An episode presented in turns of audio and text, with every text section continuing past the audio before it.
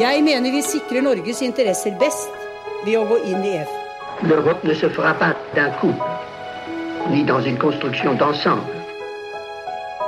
Das beste Mittel, um eine Politik zu treiben, die sich auf Vertrauen und Dette er ikke noe vanlig samarbeid mellom selvstendige nasjoner. Dette er en sterk og dyp integrasjon. No, no,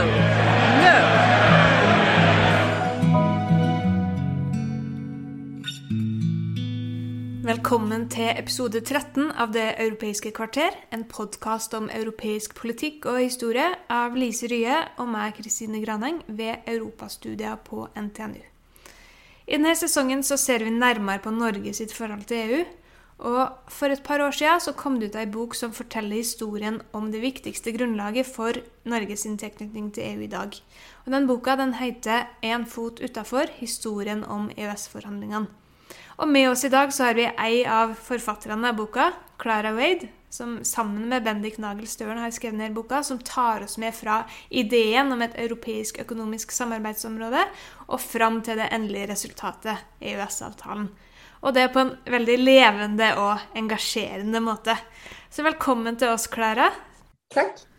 I likhet med meg så hører jo både du og Bendik til en generasjon som ikke har vært del av debattene og prosessene som førte frem til det som er hovedrammene for Norges tilknytning til EU i dag. EØS-forhandlingene starta jo før vi to ble født, og vi var jo altfor unge til å, til å delta under EU-avstemninga i 94. Og dere skriver sjøl i boka at ingen av dere husker ei tid før EØS-avtalen. Så engasjementet deres for det her, det kommer jo ikke fra et et personlig engasjement, en personlig involvering i de her årene som, som EØS-avtalen var til. Så det jeg lurer på, da, er det jo Hva er det engasjementet kommer fra? Hvor er det dere fikk motivasjon til å, til å gjøre dette prosjektet? Nei, det, det, er helt rett som du sier. Vi kan ikke huske noe av det. For oss og for mange i vår generasjon, tror jeg, er EØS-avtalen nesten som en naturlov. Den har alltid vært der, eh, og den, den har vi egentlig ikke forholdt oss noe særlig til. Eh, men samtidig så har vi jo visst at den er en del av eh, vårt liv hele tiden. Så vi var vel kanskje engasjert, eller opptatt av å finne ut hvordan, hvordan denne avtalen ble til. Og hva er det som er så spesielt med den? Og ikke minst, hvordan kunne vi ende opp med en så omfattende avtale? Hva er det Eh, først syntes jeg nesten det var skremmende eh, å lese om eh, det, det hørtes ut som at eh, Stortinget i 94 hadde gitt alle framtidige eh, Hadde gitt en slags blankofullmakt på vegne av framtidige storting med denne avtalen. Og hvordan havnet vi der? Eh, det ønsket vi å finne ut av. Og vi ville også få høre historier fra de som hadde jobbet med avtalen. Um, og de begynner jo å bli gamle, så vi måtte skynde oss uh, sånn sett. Og så uh, prøvde vi også å finne tilbake til det Norge som var da, omtrent da vi ble født. da. Hva slags virkelighet var det? Uh, hvordan var forholdet til Europa? Og hvorfor var det et behov for en tettere og såpass tett tilknytning til EU? Det er absolutt mange grunner til, til å se nærmere på EØS-avtalen og hvordan det ble til. Eh, men jeg lurer jo litt på hvordan, helt konkret, hvordan kommer man på ideen om å, om å ta tak i det her prosjektet? Om å, om å skrive historien bak forhandlingene? Altså det, det, er ingen av oss som gikk og drømte om å skrive om EØS-avtalen. Det gjorde vi ikke. sånn er det kanskje for mange, at det ikke er eh, Det er ikke det hotteste temaet, men, men uh, vi er to uh, samfunnsengasjerte personer som vi ble rett og slett spurt om å gjøre det på vegne av eh, europabevegelsen. Eh, for de følte at denne historien ikke var blitt fortalt. Og da vi ble spurt så, og begynte å undersøke litt, så kjente vi jo at engasjementet var der. Og, og spørsmålene dukket opp, og, og at det var, det var, en historie der. Hva var det som sto på spill? Hva, vi, vi, ble med en gang vi fikk blod på tann, da. Vi ble interessert. Eh, men vi hadde nok ikke kommet på ideen selv, nettopp fordi det også er en naturlov. med EØS-avtalen så er det eh, Så ja. Mm. Det har jo blitt ei veldig fin bok, det her, Klara. Eh, det er en fin bok, syns jeg, fordi den den kommer med veldig mye ny kunnskap om hvordan EØS-avtalen ble til. Men så er det òg en viktig bok, fordi den som du sier, den, den, dokumenterer jo informasjon og minner og erfaringer som ellers på et punkt ville ha gått tapt. Kan ikke du si litt om hvordan dere opplevde møtet med de her intervjuobjektene? Det er jo mange. Jeg tror jeg telte opp at dere hadde gjort nærmere 30 intervju. Mm. Og det jeg lurte litt på, var jo eh, For det som du sier, EØS-avtalen det er ikke det hotteste tolket. Selv om det kanskje burde være litt hottere enn hva det er. Men, men, hvordan var det når dere tok kontakt? Var de lett å få i tale? Og var de glad over at noen viste interesse for et tema som for dem må ha blitt viktig, men som det ikke alltid er så stor interesse for i, i samfunnet for øvrig? Ja, absolutt. De, de aller fleste var veldig glad for at vi tok kontakt og var interessert i å fortelle hvordan det var. De fant frem gamle notatbøker og dagbøker og, og var nok glade for å få, få delt dette, da, som de har sittet, sittet, med i 25 mm. år. Eh, men samtidig så er det jo 25 år siden. Ja. Enda mer. Så det var mye de ikke Det var ikke alltid ja. husket eller det, De kunne blande medlemskapsforhandlinger og EØS-forhandlinger. For det er jo de samme menneskene som har eh, sittet med mye av det. Ja, jeg tenkte på det når, eh, når eh, jeg forbereda meg til i dag. Altså, dere skriver jo i boka at 25 år det er lang tid, og selv de mest erfarne diplomater husker ikke alle detaljer fra forhandlingene. Men sånn i stort, vil du, vil du allikevel si at de husker det samme? At det var godt samsvar i det materialet som intervjuene ga dere? Fikk dere én fortelling om EØS-avtalens tilblivelse, eller var det mange ulike historier i det her materialet? Ja, altså i det store og hele synes jeg det samsvarte godt. Eh, hvis vi merket at de, de, rotet med hvor et forhandlingsmøte hadde vært, f.eks., da ble vi litt mer på vakt, kanskje. Eh, en helt konkret ting som, eh, hvor det var forskjellige historier, og det kan høres lite ut eh, hvis man ikke Men eh, vi fikk høre fra en av Brundtlands nærmeste rådgivere at det var Kåre Willoch som hadde invitert eh, daværende kommisjonspresident Jacques Delors til Oslo. Eh, og at hun da bare arvet den invitasjonen, og at det da var mer som en sånn tilfeldighet at de fikk eh, møttes igjen og, og, og begynte en nær relasjon. Eh, men så ble vi da eh, kraftig irettesatt av Brundtland. det var hun som hadde invitert Willoch. Eh, og, nei, Willoch, sier jeg. Det var hun som hadde invitert eh, Delors. Mm. Og det å få å finne ut av de detaljene der, det, det, har litt å si for, eh, for, historien. Eh, for hvem var det som tok initiativ, hvem var det som førte an? Eh, Høyre hadde sagt ja til EU-medlemskap, men det var kanskje Brundtland som så at det var en alternativ mulighet ved å ha en annen type avtale med EU enn å gå helt for medlemskap, som hun fortsatt anså å være veldig kontroversielt i den norske befolkning. Mm. Ja, det her vil, vil, jeg jo si det er jo en veldig viktig detalj. Dere skriver jo om hvordan Willoch-regjeringa prøve å løfte saken, men, men legge den død noen år, noen år, i forveien. Og så er det altså i 1986 som eh, startpunktet går for den nye, den nye europapolitikken. Eh, jeg har lyst til å spørre deg om en ting til før vi går litt videre til forhandlingene. Altså, hva med virkelighetsoppfatninga til de her Eh, politikerne og personene fra embetsverket som var involvert i, i forhandlingene. Du, fikk du inntrykk av at de hadde en sånn lik forståelse for hvilken situasjon Norge var i, og hva Norge kunne oppnå? Jeg vet det er et vanskelig spørsmål. Ja, det er litt vanskelig. Ja. Eh, altså, det som slår meg, er jo at eh, blant de forhandlerne og byråkratene så er det jo varierende grad av EU-positivitet, da. EU. Det er ikke alle som er mm. EU-frelst. Og det påvirket kanskje litt eh, hvordan eh, Hva de så for seg av muligheter i en avtale. Et eksempel på det er at en tett, en nær rådgiver av Brundtland, Morten Wetland, han, han var med i Han, han møtte EF-kommisjonspresident til nestkommanderende. Eh, og det var første gang jeg fikk høre om at å ja, eh, dere kan få være en del av en beslutningsprosess. Og så tenkte han i all verden, dette her kan jeg ikke skjønne hvordan skal skje. Mens vår opplevelse av noen av de andre kildene sin fortelling om eh, det samme, mm. eh, var nesten som en lovnad om medbestemmelse. Så her tror jeg kanskje at tidligere EUs syn har, har, påvirket selv en erfaren forhandler sin, eh, sin Ja, eh, og kunnskap om EU og hvordan EU-systemet fungerer. Det er et veldig godt eksempel. Kristine, vil du snakke litt om forhandlingene? Ja, eh, hvor skal man egentlig starte?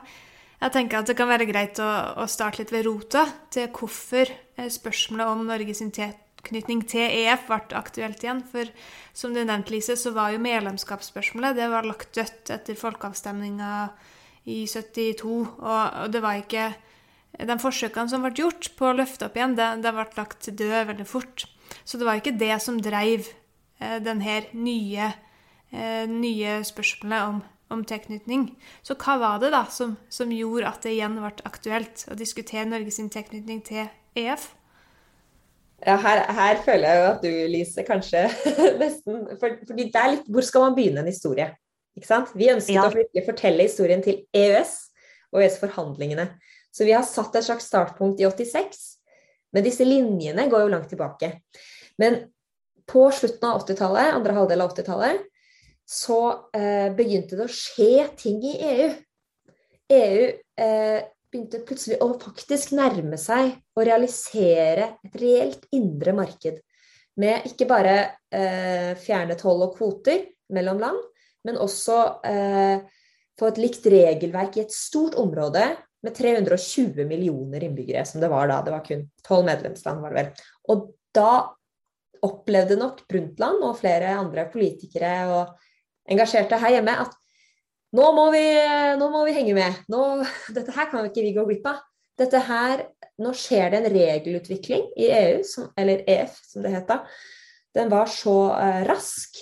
Tempoet ble liksom skrudd opp. Eh, og de handelsavtalene som regulerte vårt forhold til EU, klarte ikke å henge med. Og vi kunne da risikere å bli satt utenfor dette store markedet. Uh, så da var, det, da var, det, behov for en ny type avtale. Eh, og det, det, så nok eh, Det så Brundtland tidlig, da. Eh. For den frihandelsavtalen som eksisterte da, det var jo avtaler mellom enkeltland og EF. F.eks. hadde Norge sin egen avtale med EF. Og det ble jo ganske tidlig klart at man ønska en annen løsning på det. Man ønska å gå via EFTA, det europeiske frihandelsforbundet, når man forhandla med EF. Altså, det her syns jeg er en veldig interessant del av historien, og kanskje underkommunisert. Og det var noe som definitivt dukket opp underveis i prosessen, som jeg ikke fant fra skriftlige kilder Eller jeg fant kanskje noen hint, men det er Per Kleppe sin rolle i dette. Mm. eh, fantastisk type. Vi fikk dessverre ikke intervjuet ham, han var gammel og han døde jo nylig. Eh, han var, har vært finansminister i Norge i mange år, og på 80-tallet var han generalsekretær i EFTA. Og der så, og var, der så nok han at det lå en mulighet i Frihandelsforbundet EFTA som var virker, ikke, virker ikke som en veldig overbevist forsamling, eh, eh, Frihandelsforbund. De er litt mer sånn nølende. Eh, de har en avtale seg imellom. Og så ser han at hvis vi skal få til en bedre avtale med EU, så må vi slå sammen. Vi må danne felles front, felles forhandling mot part. Eh, og for at det skal gå, så, så trenger jo eh, mye å skje med EFTA, for så vidt. Der må vi, vi ville det samme og en del. Så han startet rett og slett et kartleggingsarbeid allerede eh, da på begynnelsen av 80-tallet, var det vel?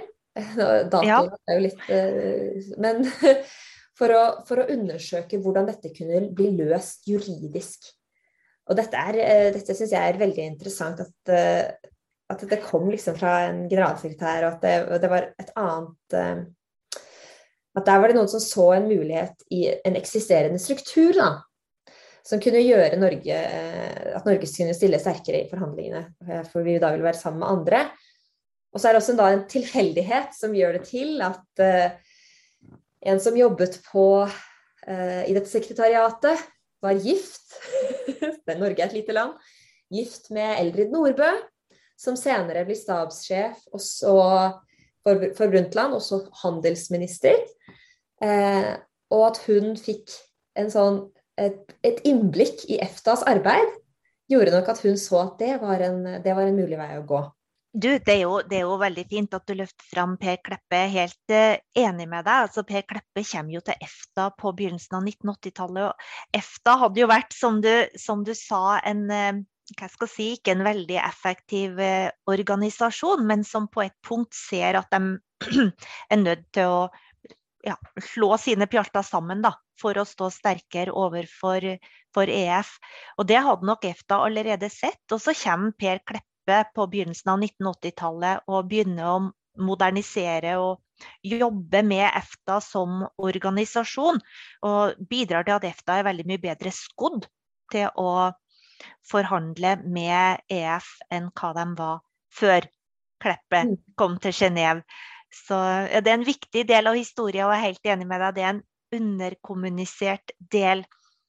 Og så var du jo litt inn på Klara det her med at Norge er et lite land, og det er mange forbindelser på kryss og tvers. Og boka deres er jo også ei bok som vektlegger betydninga av sånn gode personlige relasjoner, og, og i dette tilfellet av et sånt ideologisk eller politisk fellesskap på tvers av landegrensene. Um, Gro Harlem Brundtland forteller i boka om hvordan det etter hennes mening hadde stor betydning at vi tenkte nokså likt omkring hva som var viktig. Og når hun snakker om vi, så er det jo seg selv og presidenten for Europakommisjonen, Jacques Delors, hun snakker om.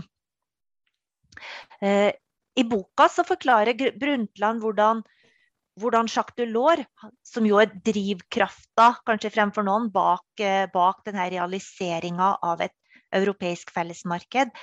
Og hvordan han kom til Brussel fra posten som finansminister under Francois Mitterrand. Og han representerte jo da som Mitterrand Sosialistpartiet. Og den regjeringa hadde jo fått den litt ublide oppgaven med å få Frankrike på fote igjen økonomisk etter de økonomiske krisene på 1970-tallet. Og det viste seg å ikke være så lett, for som dere skriver, det var ikke bærekraftig å pøse ut penger til gode nasjonale tiltak så lenge etterspørselen etter franske varer i utlandet sto på stedet hvil.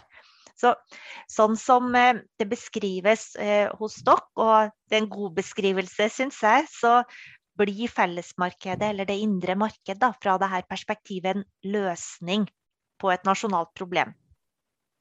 Og det mm. minner egentlig om en av de mest kjente teoriene om europeisk integrasjon, som sier at integrasjon skjer når og fordi det tjener statens interesser. Og, og da lurer jeg på, er det ikke et tilsvarende bilde dere tegner av Gro Harlem Brundtland eh, sin regjering, at Norge må samarbeide tettere med EF-landene, fordi at nå skjer det noe ute i Europa. Eh, som det er i Norges interesse å bli med på, og som vil tjene norske økonomiske interesser. Er det ikke likt, likt den måten de eh, nærmer seg det her spørsmålet på, Delors og Gro Harlem Brundtland? Jo, absolutt. Og det første Brundtland gjorde, var jo å få eh, bestilt en stortingsmelding, en europamelding, for å undersøke hva har denne utviklingen i EF å si for Norge? Og den skulle også svare på hvilken tilknytning er best tjent norske interesser. Og mm. konkluderte med, eh, ganske åpent og fleksibelt konkluderte med vi skal søke den tilknytning som er best tjent norske interesser. Og dermed åpne for at det kanskje er en ny tilknytning. At her skal vi finne fram noe annet. Så det er, eh, det er svaret på Men eh, det var nok kanskje vanskeligere å selge til norske velgere at dette, altså at dette en, var viktig for norsk økonomi i en tid der det var eh, økende høye renter og høy arbeidsledighet og mye andre, andre ting mm. eh, som kanskje opplevdes mer presserende for den jevne mannen i gata. Men, men, det handlet jo nettopp om det, om norsk økonomi.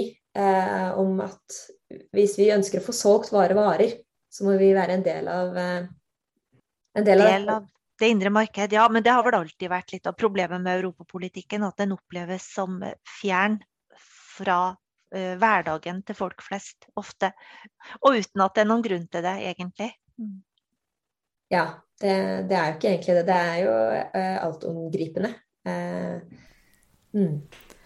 Nå har vi jo vært innom hvilken utvikling som skjedde i EF på, gjennom 80-tallet, hva som skjedde i EFTA av utvikling, og også hvordan man håndterte det her på, på hjemmebane her i Norge. Og det som er felles, det er jo at man ønsker en tettere tilknytning av markedene som fungerer på en mer dynamisk måte enn det frihandelsavtalene har gjort fram til da. Men når vi bykker over i andre halvdel av 80-tallet, så er det fremdeles eh, veldig mye som ikke er avklart. Det meste er egentlig ikke avklart. Og da nærmer vi oss forhandlingene. Selve forhandlingene. Og hvordan var det det foregikk i praksis, Klara? Altså, dette er veldig kompliserte forhandlinger. Fordi først må jo Norge finne ut hva er, hva er vår posisjon. Man blir enige her. Det er jo ikke alltid så lett. Og så må vi da reise ned til Eller forhandlerne reiser da ned og møter eh, de andre EFTA-landene i Brussel. Nei, unnskyld, i Genéve. Må huske eh, Og må bli enige seg imellom. I innad i EFTA så gjaldt det jo ikke flertallsstyre i det hele tatt. Der var man aldri mer progressiv enn den, den, den treigeste, den mest nølende. Og eh, hvis man kjenner til disse landene, det er jo Sveits bl.a., som på et tidlig tidspunkt ønsket eh, Klarte å få en formulering om at de ville Dersom det skulle være frihandel på fisk, så ville de ha unntak for ferskvannsfisk. Sveits har jo ikke kystlinje engang. ikke sant? Altså, hvis du har med deg eh, den og andre typer kranglefanter og skal bli enige, og så, når man blir enige, så kan man gå videre til, til EF og møte dem og forsøke å komme til enighet. Hvis det ikke går, så må man tilbake til EFTA, eller kanskje helt tilbake til Norge. Altså, det er fram og tilbake hele tiden. Det er et ganske komplisert arbeid sånn sett. Eh, og de veldig vanskelige spørsmålene som du er inne på her med det dynamiske, hvordan var det dette skulle løses eh, institusjonelt? Hvordan skulle eh, dette, dette, fungere? Det, eh, dette var nytt for meg, men eh, i forhandlingene det ble nevnt av flere av forhandlerne at eh, da, da dytter man det vanskeligste fremover. Som er veldig interessant.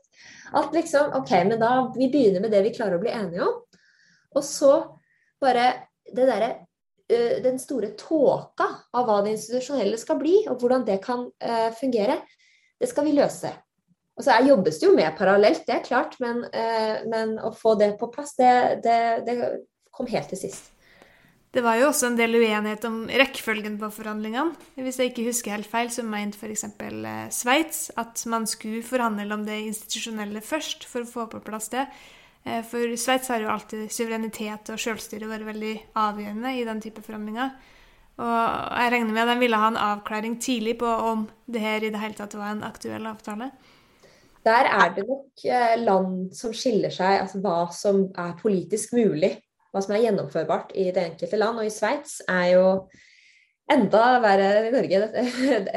Eller enda vondere enn i Norge eh, å, gi fra seg selvråderett suverenitet. Så det eh, måtte de få avklart med en gang. Mens ja, Eller var interessert i å få avklart med en gang. Mens eh, nordmennene så på det mer sånn forhandlingsstrategiske at eh, hvis vi løsner opp i andre ting, så, så finner vi ut av det òg.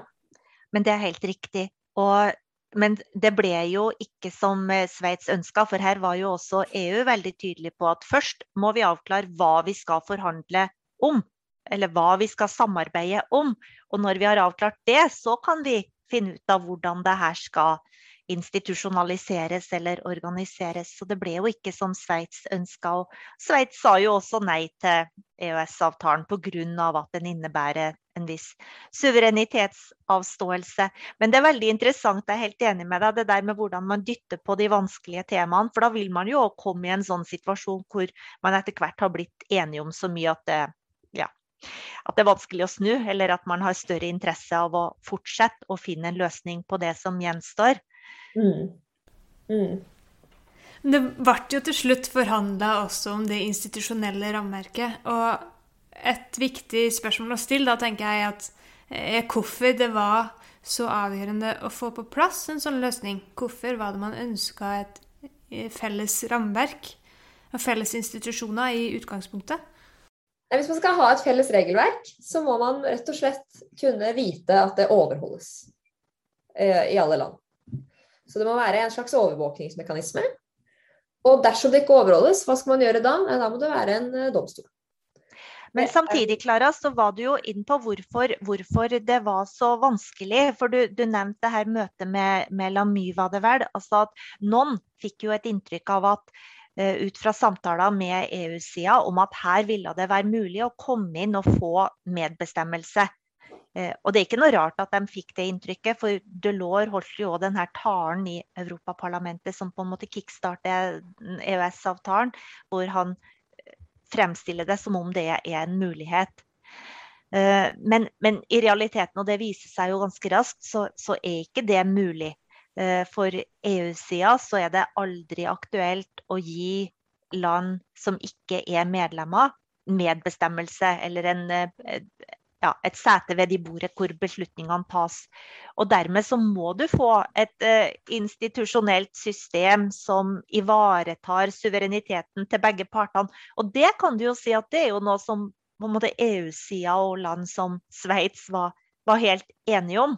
Men det gikk jo på tvers med de forventningene som ble skapt hos enkelte i Norge, som i hvert fall snakka sånn i, en periode som om det her kun være, kun være en mulig, reell løsning.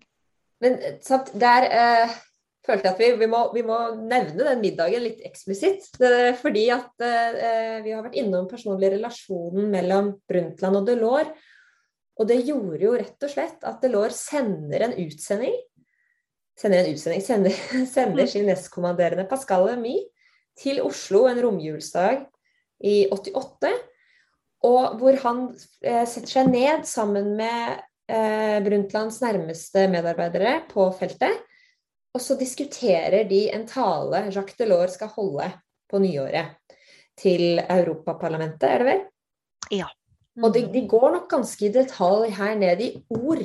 Altså at uh, de fikk forklart til uh, Lamy at uh, ord som union var, var, skummelt i Norge.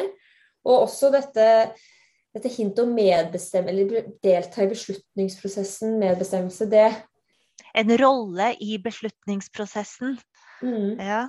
Mm. ja det, det, kan nok ha vært viktig for å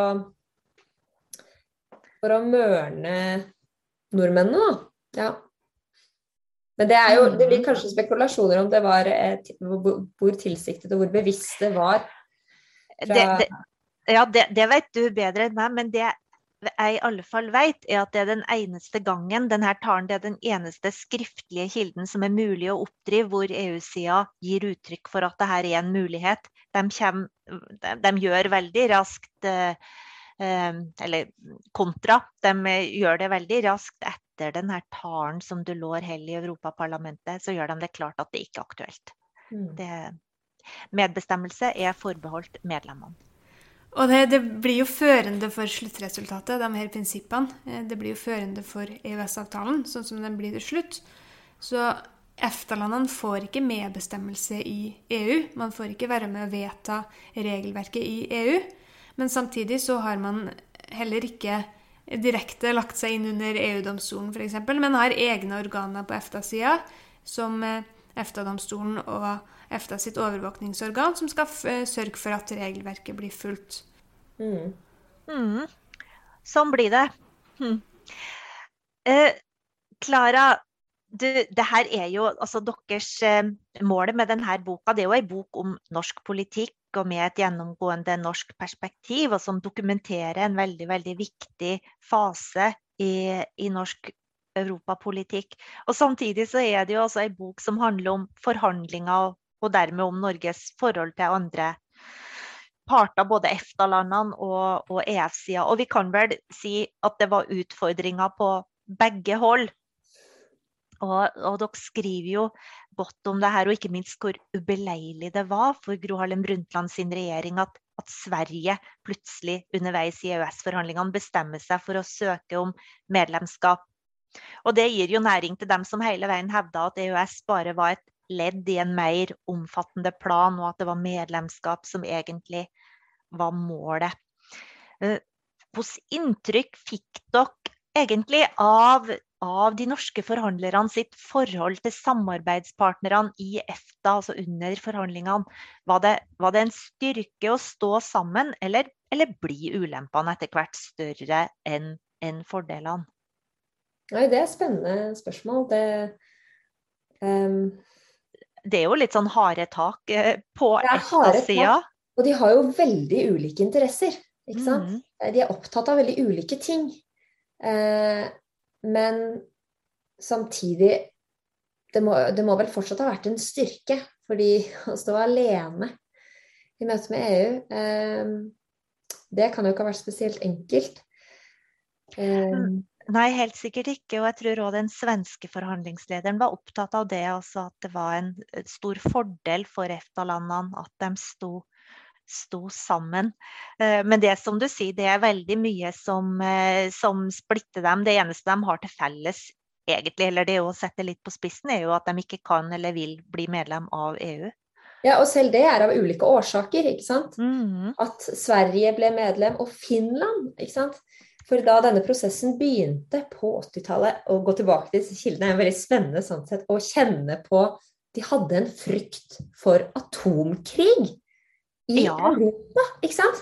Det er, det, er, det er, kald krig, og det er lett å glemme for eh, en som har vokst på 90-tallet. Og da, for svenskene og for Finland, og for så vidt for Østerrike også, tror jeg, så var det ikke mulig å bli med i EU fordi de var for nærme en supermakt i øst. Og da ville de valgt en uh, Svenskene skulle være nøytrale og finne Finland hadde ikke noe valg tror jeg. Med Finland hadde en sånn, her, en sånn klam vennskapsavtale med Sovjetunionen som eh, var uforenlig med mm. medlemskap. I de andre tilfellene så var det nok litt mer sånn selvpålagt, men det betyr jo ikke at nøytralitetspolitikken ikke var viktig for dem. Det var det. Mm. Så da muren falt, så endret jo det seg veldig, og da Det viser jo eh, Dette kommer vi kanskje inn på nå snart, at eh, det dette var et vindu. Et mulighetsvindu. Mm. Fordi at ting endret seg veldig fort på disse årene. Det var på slutten av 80-tallet, begynnelsen av 90-tallet, så var EFTA Det var vel opptil syv medlemmer med Finland. Mens, mm. mens EU var tolv medlemmer. Og så, ganske raskt, så går det ene EFTA-medlemmet etter det andre over til EU. Og da gradvis vokser EU, og eh, styrkeforholdet endrer seg. Um, nå i EFTA er jo Norge liksom en supermakt, ikke sant? Ja. Eller supermakt. Alt er relativt. Men, Alt er relativt. men ja, EFTA går jo, går jo, i oppløsning. Men det er jo kanskje litt av grunnen til at EØS-avtalen eh, e blir virkelighet. Fordi at EU-sida e ser jo at her er det land etter land som melder seg på og egentlig vil ha medlemskap, og da er det ikke så farlig. Da kan man gi litt mer i EØS-forhandlingene enn, enn hva man nok ellers ville ha gjort hvis, det, hvis man forhandla med land som man aldri så for seg skulle inn i EU. Mm. Så, så, jeg tror det at, det, det at den EFTA-fronten går i oppløsning, at det, det, har en del å si. Um, det har en del å si på begge, begge sider av forhandlingsbordet at, at EØS-avtalen endrer karakter for de fleste av, eh, av deltakerne i denne prosessen. Den blir etter hvert betrakta som en sånn eh, mellomløsning. Et sånn venterom, som den ofte kalles for land som egentlig tenkte seg da inn i Eller som etter hvert tenkte seg inn i EU. Mm. Og sånn ble det jo for de, for de fleste. Mm. Du, eh, hva med, hva med, dagens situasjon? Altså, du, du, var inne på det her, Klara, om at det, det, var et helt spesielt vindu. Eh, I dag ser ting litt annerledes ut. Eh, I boka deres så er det sånn at flere av dem dere snakker med, de svarer at uh, EØS-avtalen var en god avtale, men at uh, det ligger et større rom for en mer aktiv europapolitikk innenfor rammene av den avtalen. Hva tenker du om det? Tror du den nye eh, rød-grønne eller Arbeiderparti-Senterparti-regjeringa vil lykkes med å føre en mer aktiv europapolitikk innenfor rammene av EØS-avtalen? Altså, jeg vet jo godt at Støre eh, godt, Han kunne nok tenke seg det. Han er jo han er glad i EØS-avtalen og vil forsvare den. Eh, men, eh, og, vil, og er opptatt av Europa. Mens hans regjeringspartner er kanskje mindre opptatt av Europa. Så jeg tror at selv om det er muligheter der Det som da kanskje ofte nevnes, er vel at vi skal komme tidligere på ballen, at vi skal følge mer med i debatten i EU og melde inn våre innspill gjennom disse ekspertkomiteene som høres, eh, eh, som kommisjonen hører eh. Ja, som ligger under kommisjonen, som, som, Norge har adgang til å delta i gjennom EØS-avtalen? Ja. ja. Men at, at, denne regjeringen skal være mer aktiv enn Nei, det har jeg litt vanskelig for å se for meg. Ja. ja. Nei, aktiv europapolitikk det har vært et mål for norske regjeringer siden 1973. Og det har vel det, det, er nesten dømt til å være vanskelig innenfor de, de rammene som vi, har, eh, som vi, har, valgt å holde oss med. Hva tenker du Kristine? Eh, det går en debatt om alternativer til EØS-avtalen. Eh, er det grunn til å tro at vi vil få en bedre avtale med EU enn den vi har?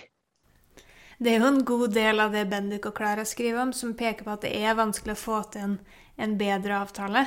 Men det kommer jo også an på hvilken avtale man ønsker, da, som vi har snakka om tidligere.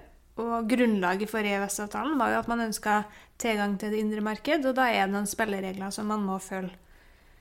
Så viser jo også EØS-forhandlingene at det var mulig å få til en del unntak. Men det krever på en måte at man er tydelig på hvilke unntak man ønsker. Og da, da må man også være innstilt på å gi noe. Det koker vel kanskje ned til det vi har vært inn på før uh, i denne podkasten, at da må man definere hva man mener med en bedre avtale. Um, det er fullt mulig å få til en bedre avtale, altså hvis målet er en avtale som ikke innebærer suverenitetsavståelse, så, så vil vi få det.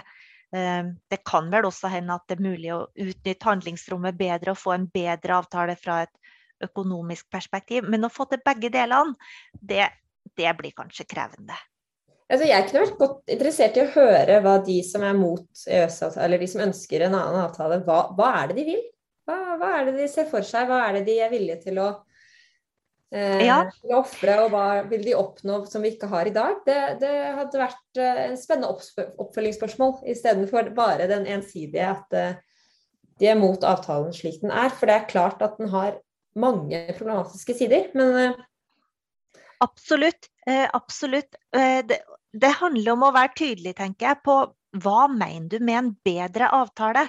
Eh, vil du ha en avtale som ivaretar norsk suverenitet, og som en litt sånn brexit-style avtale på det politiske, institusjonelle området, så er det jo bare å, bare å gå ut. Da er det jo bare å gå tilbake til den gamle frihandelsavtalen og forbedre den. Men da må man kanskje være tydelig på at det har noen økonomiske omkostninger, sånn at eh, man vet hva, eh, hva, man reelt sett velger mellom.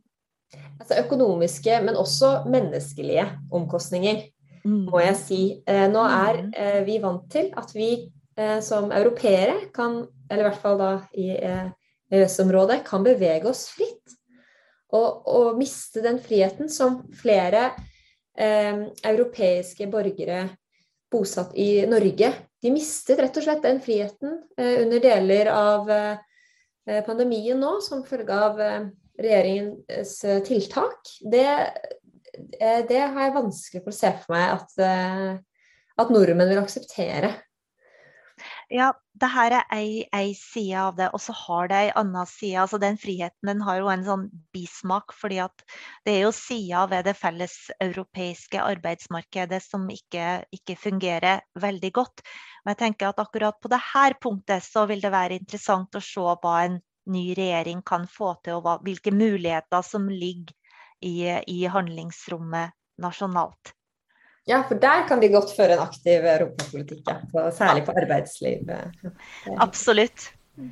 Tusen takk for praten, Klara. Det var veldig kjekt at du ville komme og dele innsiktene dine fra, fra prosjektet med oss. Det er jo ganske mye vi ikke har snakka om også, om EØS-forhandlingene. Og for dem som ikke har gjort det allerede, så anbefaler jeg virkelig at at man plukker opp boka deres. Så én fot utenfor historien om EØS-forhandlingene. Der er det veldig mange gode historier som ikke har vært innom også, så det anbefaler jeg virkelig.